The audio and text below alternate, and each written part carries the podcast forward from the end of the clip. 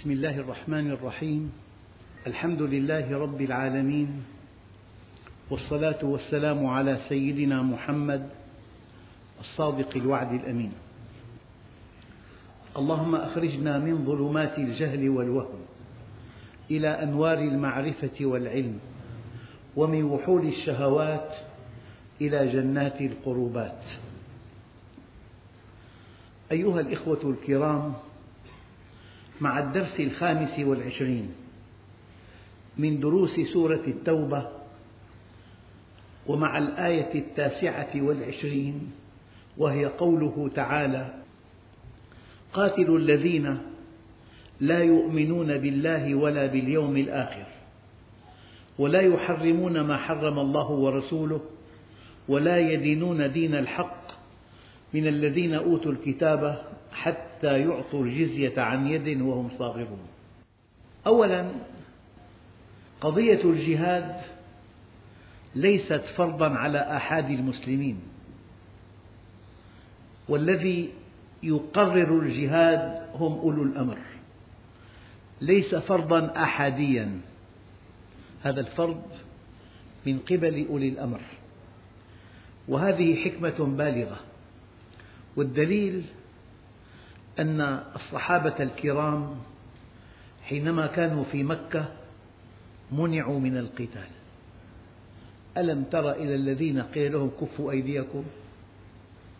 لما صار في كيان للمسلمين صار في دولة صار في كيان مستقل الآن هذا الأمر موجه لهذا الكيان المستقل.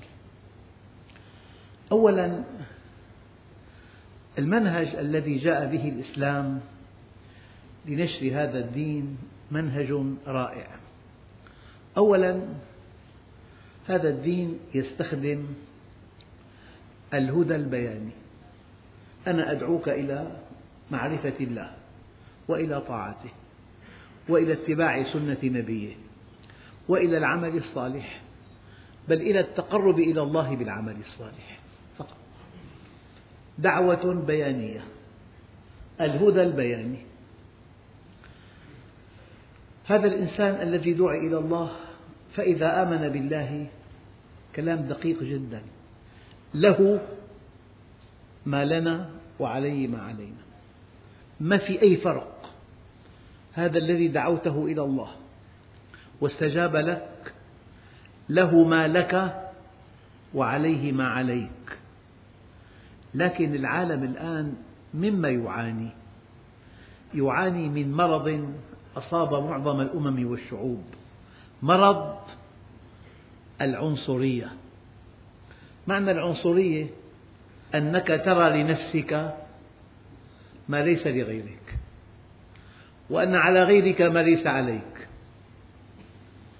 يعني للتقريب بلد في عنده 300 رأس نووي إلى جوارنا.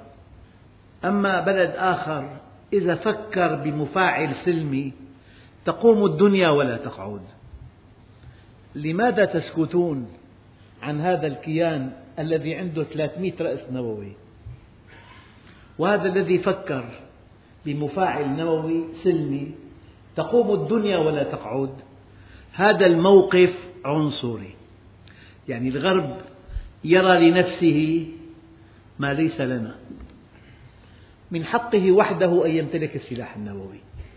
أما أي كيان آخر من العالم الثالث أو من العالم الإسلامي الحقيقة.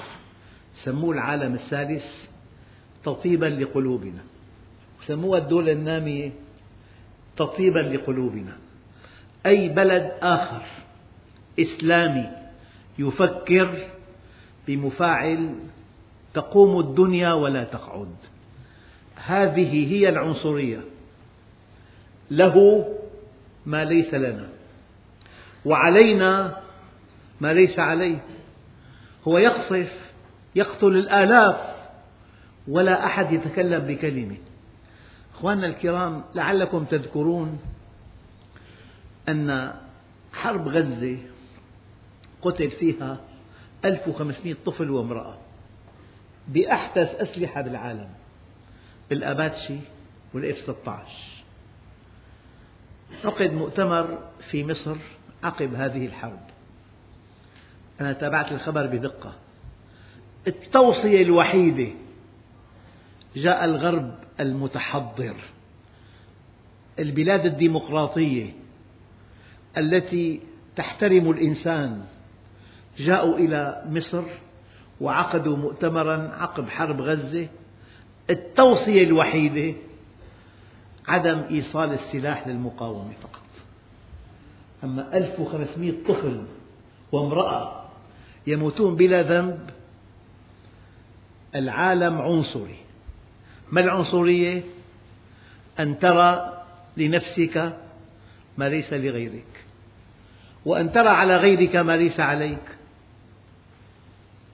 أضرب أمثلة حتى تتوضح الفكرة. جاءنا رئيس أمريكي.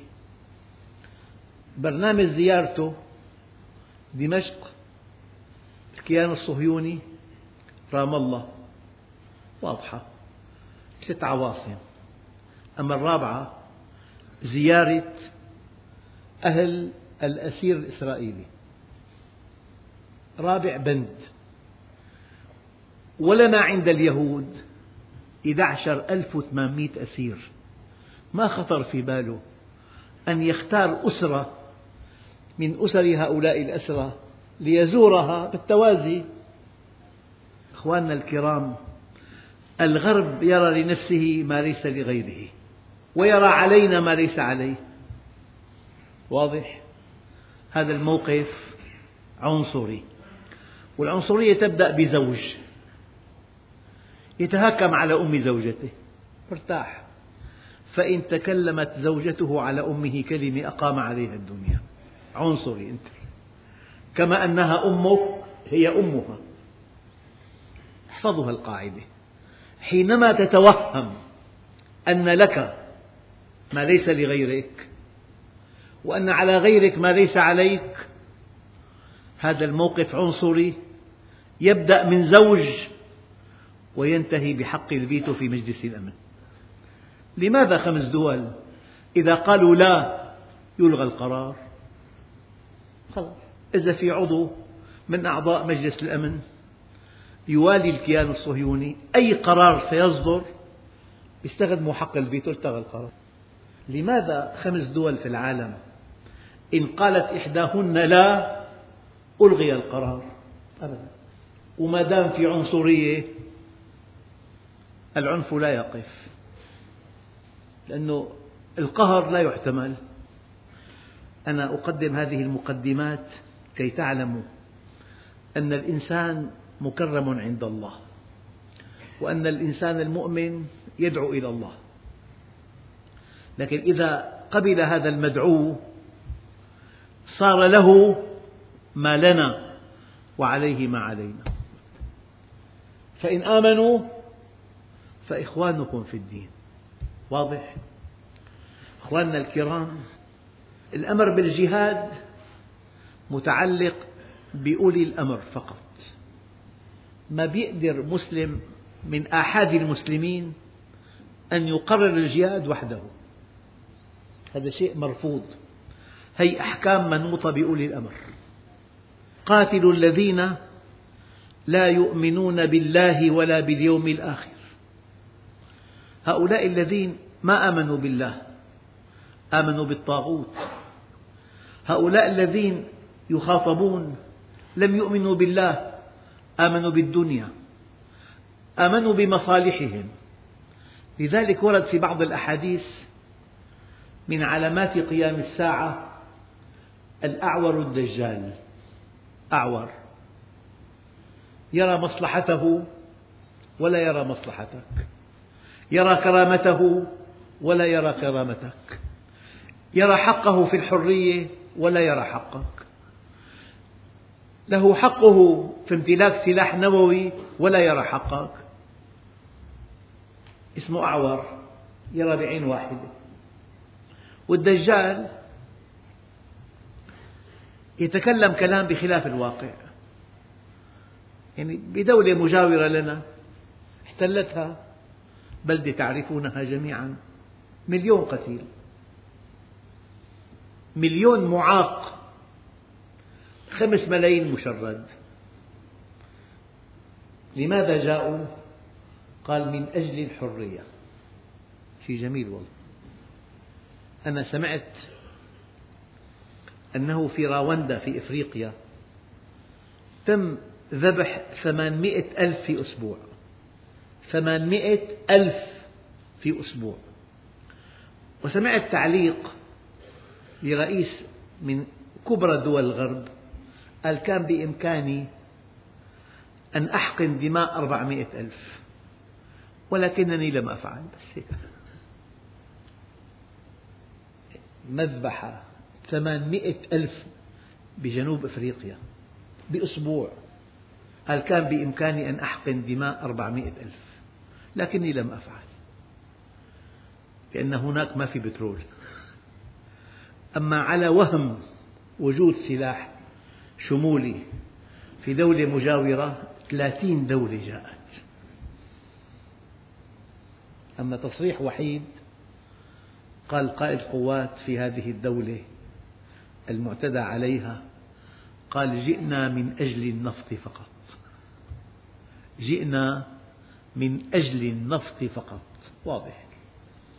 لذلك هؤلاء الذين يرون لهم ما ليس لغيرهم وعلى غيرهم ما ليس عليهم. هؤلاء الذين يبيدون البشر قتل امرئ في بلدة جريمة لا تغتفر وقتل شعب مسلم مسألة فيها نظر. ماذا نسميها؟ أزمة الشرق الأوسط. أما احتلال قتل أنا أقول لكم والله الذي لا إله إلا هو. ما لم نكفر بالطاغوت لن نؤمن بالله. والدليل؟ فمن يكفر بالطاغوت ويؤمن بالله فقد استمسك بالعروة الوثقى. لن تستمسك بالعروة الوثقى إلا إذا كفرت بالطاغوت. أن ترى حضارتهم وإنسانيتهم ورقتهم وأخلاقهم وآدابهم. هذا يقتضي أن تبتعد عن الدين بقدر ما تقترب منه. لذلك هؤلاء الذين ما آمنوا بالله آمنوا بالمادة. آمنوا بمصالحهم ثأروا لكرامتهم ولم يثأروا لكرامة الآخرين. ثأروا لمصالحهم التي هددت ولم يرعوا مصالح الآخرين. قال قاتلوا الذين لا يؤمنون بالله ولا باليوم الآخر. والله أيها الإخوة لماذا أفعل هذا لا أدري. لكن ما التقيت بإنسان من دولة مجاورة إلى جانبنا؟ احتلت. إلا قلت له لكم فضل علينا لأن مقاومتكم أعطت المستعمر درسا لا ينساه. والآن الغرب والله بيعد للمليون قبل أن يحتل بلد إسلامي ثاني. بقدر ما كان في شجاعة في إقدام. على كل القضية تحتاج إلى دقة. من الذين أمرنا أن نقاتلهم. ليس أفراد الناس. هؤلاء الذين منعوا حق الحرية للإنسان. الحرية حق. ينبغي أن تتخذ قرارا في شأن دينك أنت حر به. أما الذي يمنعك من هذه الحرية هذا ينبغي أن تنطبق عليه هذه الآية. قاتلوا الذين لا يؤمنون بالله ولا باليوم الآخر. والعجيب أن القرآن ما ذكر فيه إيمان بالله إلا اقترن مع الإيمان باليوم الآخر. لماذا؟ قال الإيمان بالله كل شيء فيه آية تدل على أنه واحد. أما اليوم الآخر يجب أن تعتقد أنه حينما تعتدي على أخيك لا بد من أن يقتص منك في يوم ما. لهذا أنا أقول ما من قطرة دم تهرق في العالم كله في القارات الخمس من آدم إلى يوم القيامة إلا وسيسأل عنها إنسان. عدم دقة بالقذف مات مئة شخص في حساب بليغ. فوربك لنسألنهم أجمعين عما كانوا يعملون. خطأ بالقصف خطأ بالتقدير شظية طائشة. ما من قطرة دم تراق على وجه الأرض من آدم إلى يوم القيامة إلا وسيسأل عنها إنسان. قال العلماء إلا دم القتيل بحد. إنسان قتل فقتل. دم القتيل بحد يتحمله الله وحده يوم القيامة. المقتول بحد يعني قتل فقتل. فالقاضي الذي حكم بقتله لا يتحمل دمه. من يتحمل دمه؟ خالق السماوات والأرض. لأنه قتل بحق. لذلك يظل المسلم بخير ما لم يسفك دما. مرة ثانية. يظل المسلم بخير ما لم يسفك دما.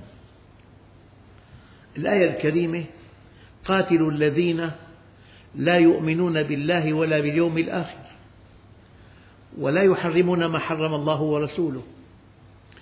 ولا يدينون دين الحق من الذين أوتوا الكتاب حتى يعطوا الجزية عن يد وهم صاغرون.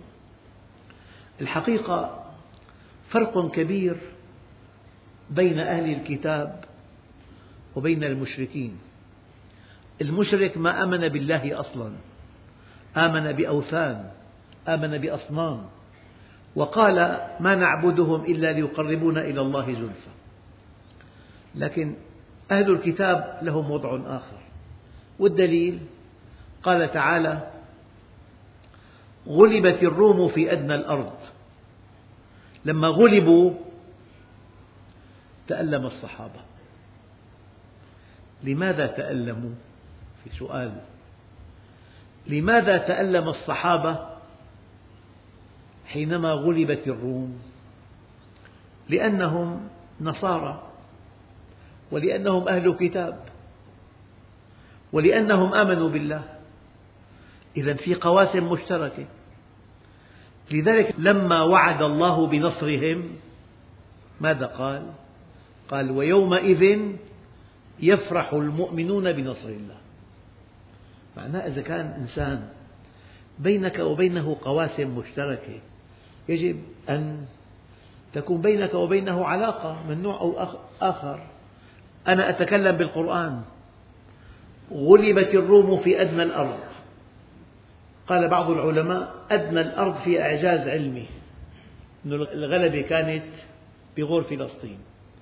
وفي بغور فلسطين أخفض نقطة على سطح الأرض. وغلبت الروم في أدنى الأرض. وهم من بعد غلبهم سيغلبون. في بضع سنين. بضعة من سنة إلى تسعة. دقق ويومئذ يفرح المؤمنون بنصر الله. المؤمنون من هم؟ من المعنيون بهذه الآية؟ الصحابة الكرام. وعلى رأسهم النبي الكريم. ويومئذ يفرح المؤمنون بنصر الله.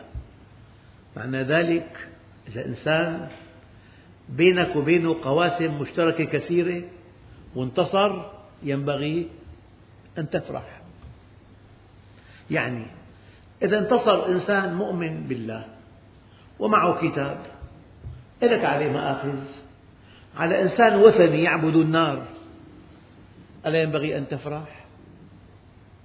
يعني واضح كلامي؟ غلبت الروم في أدنى الأرض أدنى الأرض فيها إعجاز علمي. وهم من بعد غلبهم سيغلبون في بضع سنين. لله الأمر من قبل ومن بعد. أما الشاهد ويومئذ يفرح المؤمنون بنصر الله. ويومئذ يفرح المؤمنون بنصر الله. المؤمنون هم الصحابة الكرام. بنصر الله بانتصار الروم على الفرس. شيء آخر. هذا النبي الكريم الذي عاش في الصحراء عاش في مكة. أن له هذه الأخبار لولا أنه نبي كريم. جاء بأخبار كثيرة. وما كنت لديهم إذ يلقون أقلامهم أيهم يكفل مريم. وما كنت لديهم إذ يختصمون. معنى النبي الكريم جاء بأخبار كثيرة عن التاريخ البشري لولا أنه نبي مرسل معه وحي السماء ما كان له أن يأتي بهذه الأخبار. أيها الإخوة الكرام في بها الآية إعجاز إخباري. أنت الآن إذا في حرب نشبت بين فئتين في العالم هل تقدر أن تقول سينتصر فلان؟ مغامرة كبيرة. عم تغامر بعلمك وبمكانتك. فكيف يتلو النبي الكريم هذه الآية؟ لولا أنه واثق أن هذا القرآن من عند خالق السماوات والأرض. لأنه أخبر الصحابة الكرام بأن الروم سينتصرون في بضع سنين فإن لم ينتصروا في مشكلة كبيرة. إن تصالحوا مشكلة أكبر يعني ليس نبيا. إذا هو لا ينطق عن الهوى. إن هو إلا وحي يوحى يعني كلام النبي الكريم. إن في الوحي المتلو قرآن أو في الوحي غير المتلو السنة. ليس من عنده.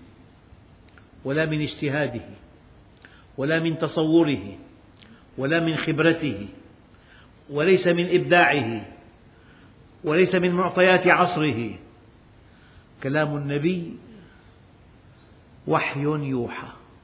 لذلك نقول الوحيان الكتاب والسنة. سيدنا الصديق لما أخبروه تعال اسمع صاحبك. ذهب إلى بيت المقدس وعرج إلى السماء وعاد وفراشه لا يزال ساخنا. قال هو؟ قال هذا؟ قال نعم. قال إذا صدق. ثلاثة أنا فيهن رجل وفيما سوى ذلك فأنا واحد من الناس.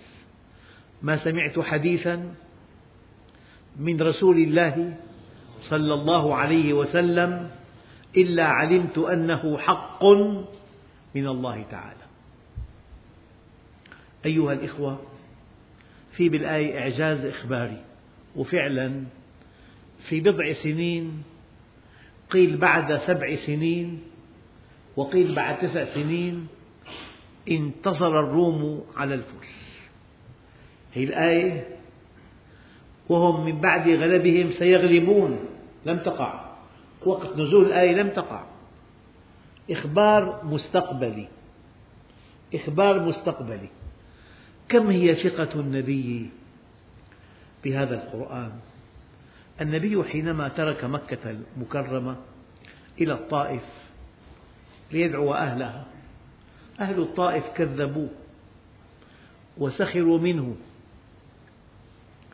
بل وأغروا صبيانهم بإلقاء الحجارة عليه. وعاد إلى مكة. يقول له سيدنا زيد يا رسول الله كيف تعود إلى مكة وقد أخرجتك؟ فقال النبي الكريم كلمة قال إن الله ناصر نبيه. هذا الإيمان. النبي الكريم في الهجرة تبعه سراقة.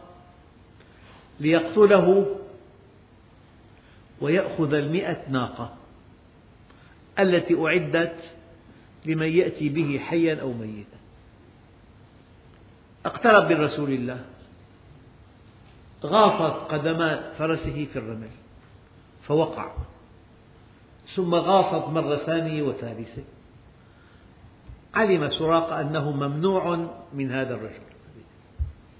فقال له النبي الكريم يا سراقة كيف بك إذا لبست سوار كسرى؟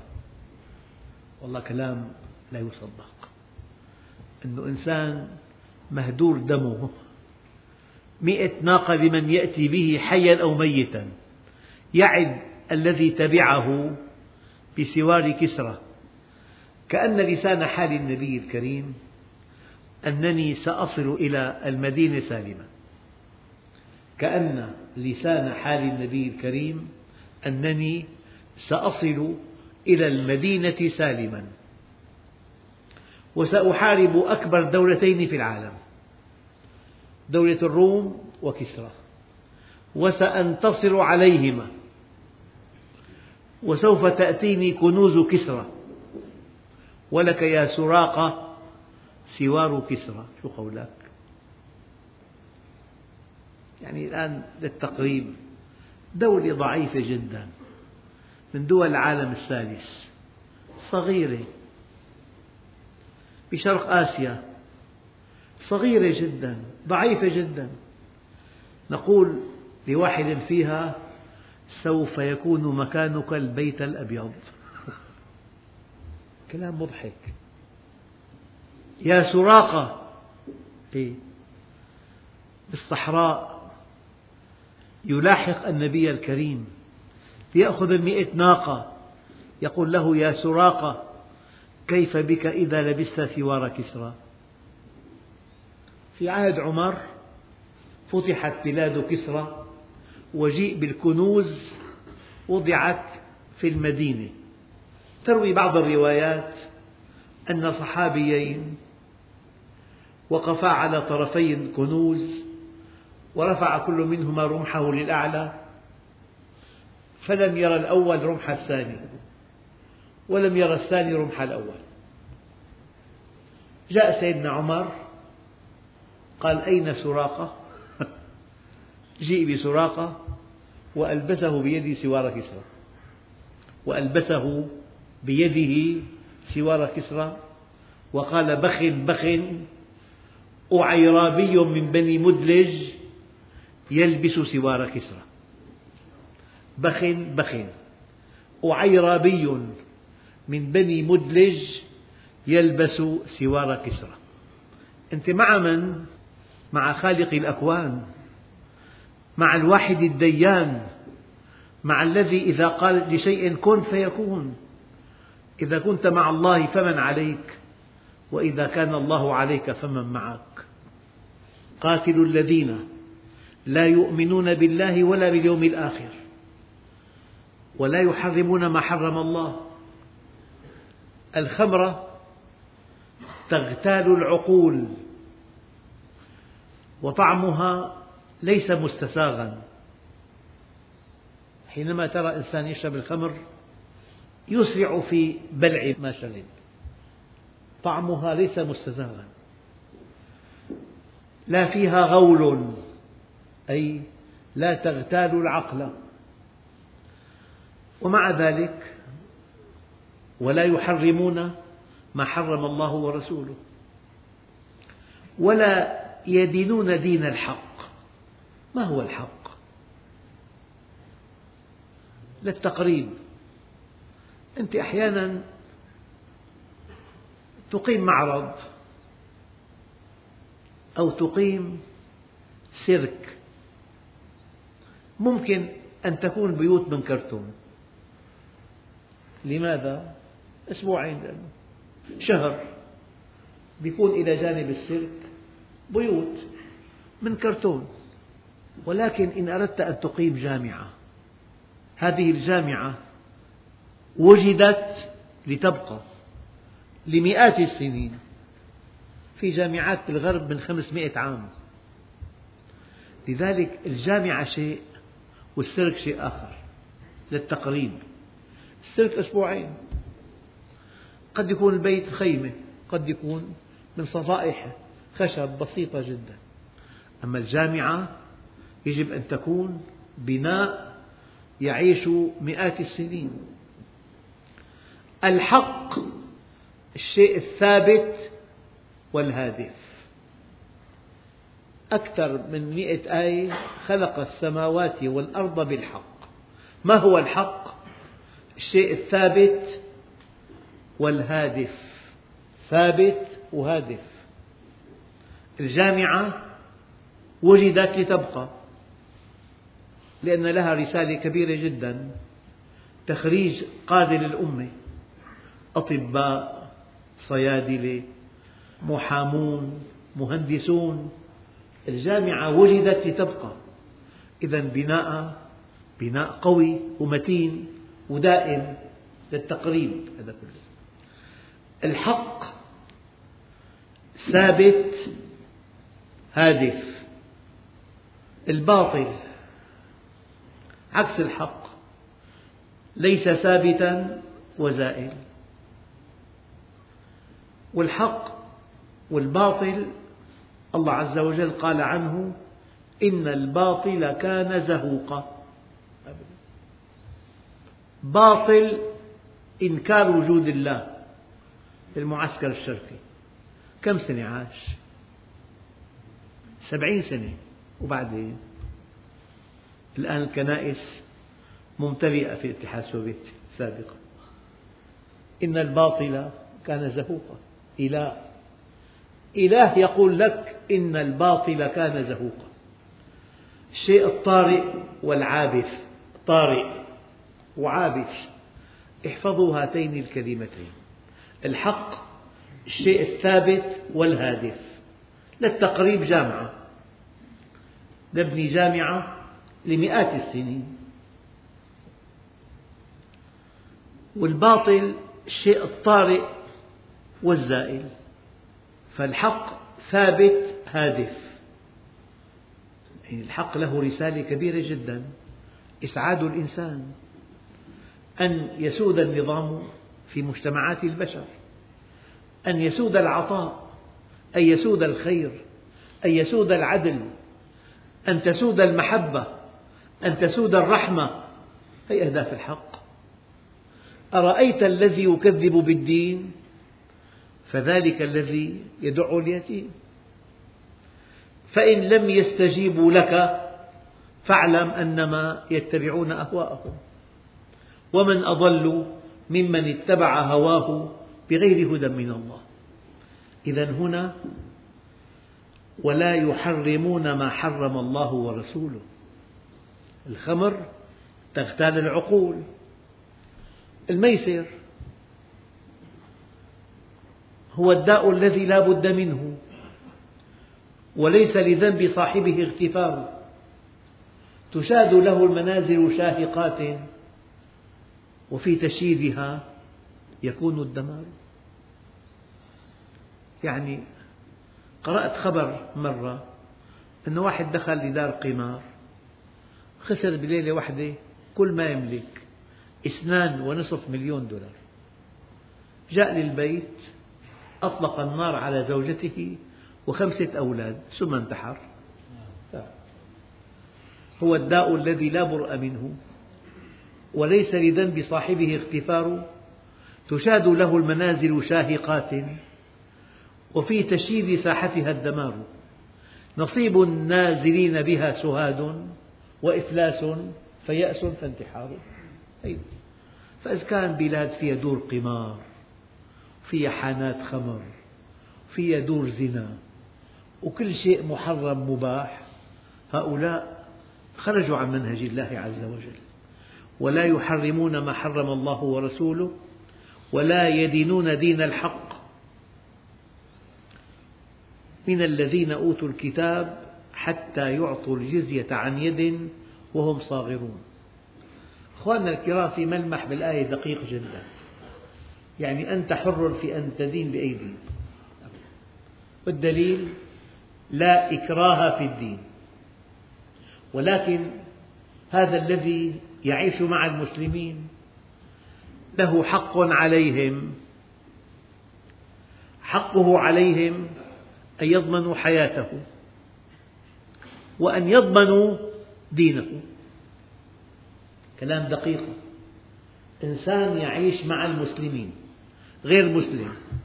له حق عليهم أن يضمنوا حياته. وحق آخر أن يضمنوا حريته في ممارسة شعائر دينه. المقابل دفع البدل النقدي. ما دام أعفي من الجهاد الجهاد يحتاج إلى عقيدة صحيحة. فالمجاهد ينبغي أن يكون مؤمن بالله بالأساس.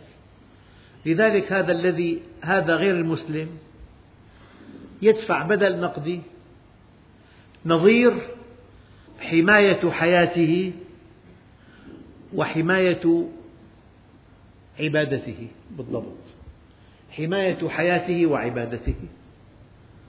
إذا بدفع الجزية حتى يعطي الجزية عن يد. يعطيها بيده يعني صحيح. فالمريض ما في عليه جزية. واضح؟ صحيح. حتى يعطوا الجزية عن يد وهم صاغرون. ما في استعلاء كمان. إذا أيها الإخوة القضية أن هذه الآية تحتاج إلى شرح طويل وإلى أن تزيل عنها بعض اللبس. هؤلاء الذين لم يؤمنوا بالله أصلا ولا باليوم الآخر ولا يحرمون ما حرم الله ورسوله ولا يدينون دين الحق من الذين أوتوا الكتاب ولم يسمحوا لأحد عندهم أن يؤمن. أنا ضمنت لك بقاءك وحياتك وأن تمارس شعائرك الدينية. لكن لا أسمح لك أن تمنعني أن ألقي الحق على من حولك. فإن منعتني أقاتلك فقط. ما دام في حرية دعوة إلى الله في أي مكان في العالم فالأمر مختلف. الآية مرة ثانية قاتلوا الذين لا يؤمنون بالله ولا باليوم الآخر ولا يحرمون ما حرم الله ورسوله ولا يدينون دين الحق والحق الشيء الثابت والهادف من الذين أوتوا الكتاب حتى يعطوا الجزية. ولا تفسير لهذه الجزية إلا أنه مقابل أن المسلمين يضمنون لغير المسلم حياته ويضمنون حرية عبادته. هاتان الضمانتان يقابلهم بدل نقدي مطبق في كل في كل الشعوب والبلاد. حتى يعطوا الجزية عن يد بيده يعني صحيح ليس مريضا وهم صاغرون. أيها الإخوة الكرام هذه الآية تحتاج إلى فهم دقيق وإلى يعني عرض دقيق أيضا. قد تفهم على غير ما أراد الله عز وجل. جهاد هؤلاء ليس من حق أحد المسلمين أبدا. هذا الذي يجري ليس مقبولا بنص هذه الآية. لكن الجهاد من حق أولي الأمر وحدهم هم يقررون. والدليل الصحابة الكرام في مكة منعوا أن يقاتلوا. لكن في المدينة بعد ما صار في كيان وفي أولو أمر عندئذ سمح لهم. قال أذن للذين يقاتلون بأنهم ظلموا؟ لك أن ترد كيد الكائدين وعدوان المعتدين والقتال هنا قتال دفاعي في الأعم الأغلب. أيها الإخوة أما شؤون الآخرة الحقيقة أن الله ما ذكر إلا بعض الآيات المتعلقة بالآخرة. فأنا ما لي حق أن أضيف على هذه الآيات معاني لم ترد في النصوص. في أشخاص يتخيلون أوضاع وأحوال وتفاصيل لم يأتي بها نص. لذلك قضية الآخرة مقطوع بها. هذا الذي ورد عن الآخرة لا نزيد عليه ولا نحذف منه. بشكل عام الدين كله إن زدت عليه أو حذفت منه وقعت في مشكل كبير. إن زدت على الدين ما ليس له أصبحنا شيعا وفرقا وطوائف وصار بأسنا بيننا. فإذا حذفت من الدين أول وحدة إن أضفت على الدين ما ليس منه. أصبحنا شيعا وفرقا وطوائف وصار بأسنا بيننا. وإن حذفت من الدين ما علم منه بالضرورة ضعفنا. لما حذف الجهاد ضعف المسلمون إذا ما هو التجديد في الدين؟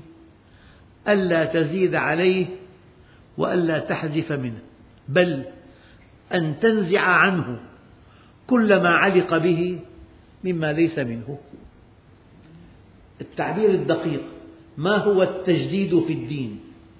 لا أن تزيد عليه ولا أن تحذف منه بل أن تنفي عنه كل ما علق به مما ليس منه.